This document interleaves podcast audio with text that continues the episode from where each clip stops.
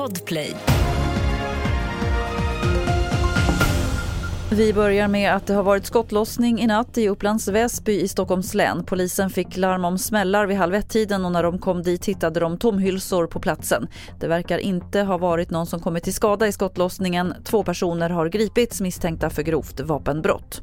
Strax efter klockan två i natt larmades polisen till ett bostadsområde i Arlöv utanför Malmö där en bil exploderat vid en villa. Sydsvenskan skriver att det inte finns några uppgifter om skadade personer. Och även i Södertälje var det något som exploderade i natt vid en parkerad bil.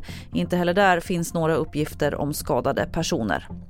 Sju av tio företag fuskade med reapriserna under Black Week. Det visar en granskning som Konsumentverket gjort.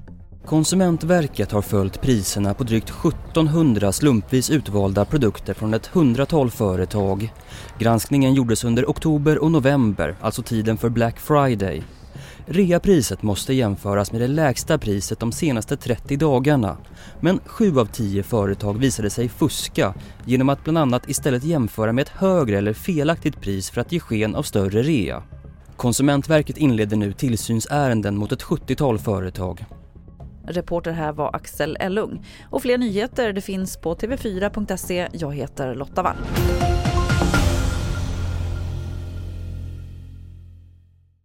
Ny säsong av Robinson på TV4 Play.